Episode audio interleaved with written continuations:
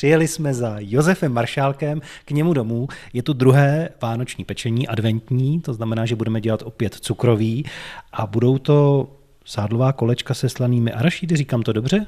Sádlový bochánky se slanými arášidy, říkáte to prakticky správně. Odkud ten recept je, pokom, jakou má historii? Prazáklad sádlových bochánků je od babičky Boženky.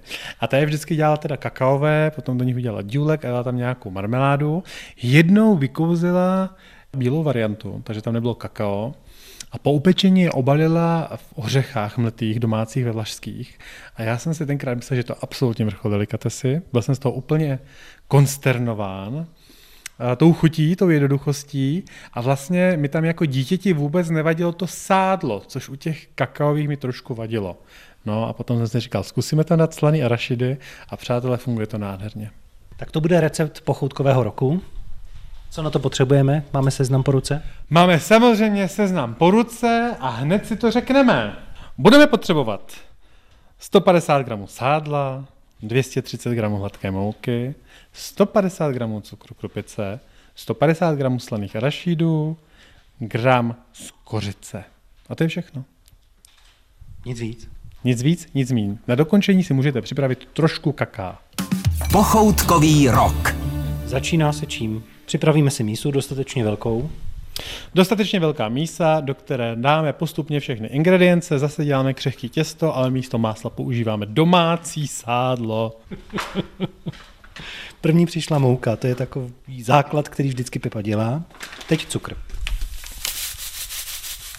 Po cukru přijdou ty naši světový slaný arašídy. To znamená normálně pitlík slaných arašídů, tak jako bychom je dávali na zobání na večer k televizi nebo k rádiu. A nebo k pivu a vínu. Pravdu děláme cukrový. Tady bych jenom doporučil, pokud se vám náhodou stane, že otevřete ten pitlík s těma arašídama a zdají se vám podezřele veliké, tak klidně se nebojte vzít nůž nebo nějaký sekáček a trošku si udělat na menší kousky, na hrubo. Ale my tady samozřejmě máme arašidy o velikosti jedna, což je v pořádku. Ale kdybyste náhodou měli ty dvojky, tak posekat trošku. Jedna je taková dokulata, dvojka je ta podlouhlá. Já bych řekl, podívejte se na malíček. Když se podíváte na malíček na nehet, tak takový to, co se vyjde na ten malíček na nehet, tak je dobrý. Co už je větší, tak bych posekal. Mm-hmm. Že si teď všichni koukáte na malíček, že jo? Já to tam vidím, přátelé. Já mám taky o malíčku příhod. Z kořici přidáme. A teď to sádlo, které tomu cukroví dává i název, protože ne vždycky se jako tuk používá sádlo. Domácí sádlo. V míse je tedy mouka, cukr, slané arašídy, skořice a sádlo. Přesně tak. A teď do té mísy ponoříme naši pravou ruku a ze všech ingrediencí uhněteme hladké, nelepivé těsto. Vytváříme zase drobenku nebo ne? Vytváříme drobenku a my budeme hníst o chviličku déle, takže nám vznikne kompaktní vláčné těsto.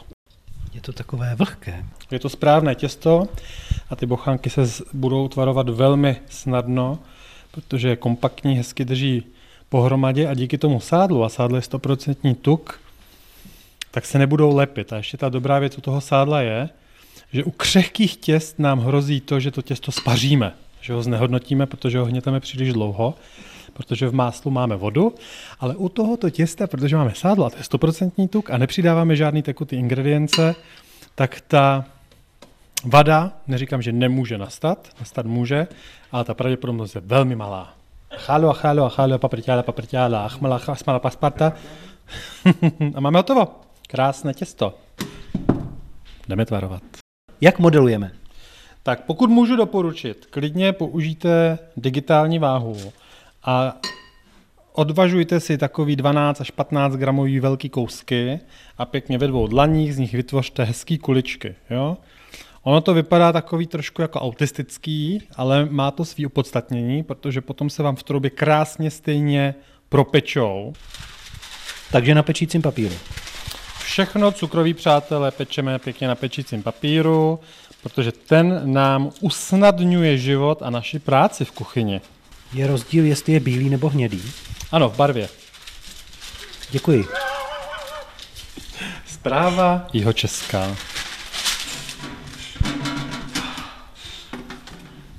To je fígl. A vůbec o něm Pepa nemluví. On ani neví, že ho dělá totiž. Rolička papíru, kterou si utrhnul, tak aby mu dobře Přátelé, Patrik je absolutně beze slov. Ale ab, absolutně konsternován. Protože jak to ten maršálek dělá, že ten papír, který byl původně namotán na té roli, no. se teď vůbec nestáčí na tom plechu. A neřekne to a neřekne. Prosím vás, je to takzvaný dubenský zázrak a dělá se to tak, že si odmotáte kousíček z té role a po jejich vnitřní straně to zahnete pěkně pod ten papír a díky tomu ho zafixujete a on se potom nemůže smotávat. Mám to patentovaný, ale jenom pro Ameriku. Pro tento trh mi to nedovolili patentovat. Tak. A do trouby půjdou takhle kuličky nebo je ještě nějak upravíme? Budou takhle kulaté pěkně, oni se lehce sploští v troubě. Teplota, čas v troubě. 165, 170 stupňů Celsia, horkovzduch, 12 až 15 minutek, potom si jednu kuličku vytáhněte pomocí cukrářského nože a podívejte se ze spodní strany, měla by být lehce do zlatova, zlatovo hněda. Mě překvapuje, jak Josef vůbec neuvažuje o tom, že by někdo neměl třeba horkovzduch. Správně. A pak, když nemáte, přidejte si tam 15 až 20 stupňů Celsia a dávejte to spíše do spodní části trouby. A za 12 minut nashledanou. Ale zase tolik neklesli, máme je venku upečené. Máme je venku a upečené, přátelé, a ještě za tepla je pěkně pokakaujeme. Co s nimi uděláme? Pokakaujeme. My je tak trošičku posypeme kakaem přes eh, malý cedníček nebo přes sítko. Na to dáme trošičku ještě moučkového cukru, aby nám to vytvořilo takový mramorovaný lehce efekt. A děláme to za tepla, protože tím, jak je tam hodně tuku nejenom z toho sádla, ale i z těch arašidů, tak se krásně vpije dovnitř. No. A úplně nakonec, přátelé, můžete použít, protože máme ty Vánoce trošku zlatých třpetek. Ale trošku popraskali. Jsou to takzvané praskané koule. Jo, dejte to do názvu, aby jsme odbourali takový ty komentáře těch lidí, co se jenom diví. Praskané arašidové koule. To je hit letošních Vánoc.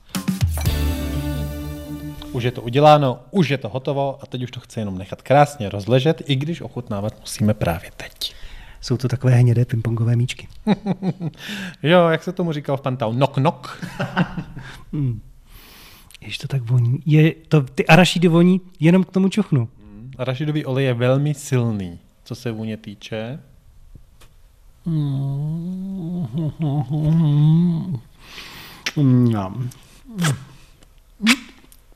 Krásně.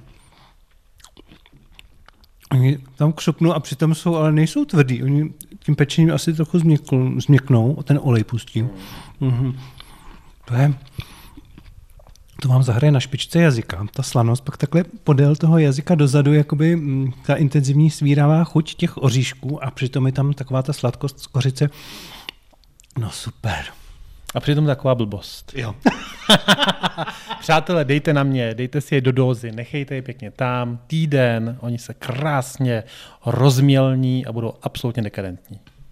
Hit letošních Vánoc pro svou jednoduchost, nečekanou chuť a výtečný dojem, který udělá na talíři, až ho naservírujete. Už mi to odnáší Pepa, schová si to na Vánoce, já ten dojem taky a snad si to upeču podle návodu, který už teď necháváme společně na stránce www.pochoutkovýrok.cz se vším, co je k tomu potřeba.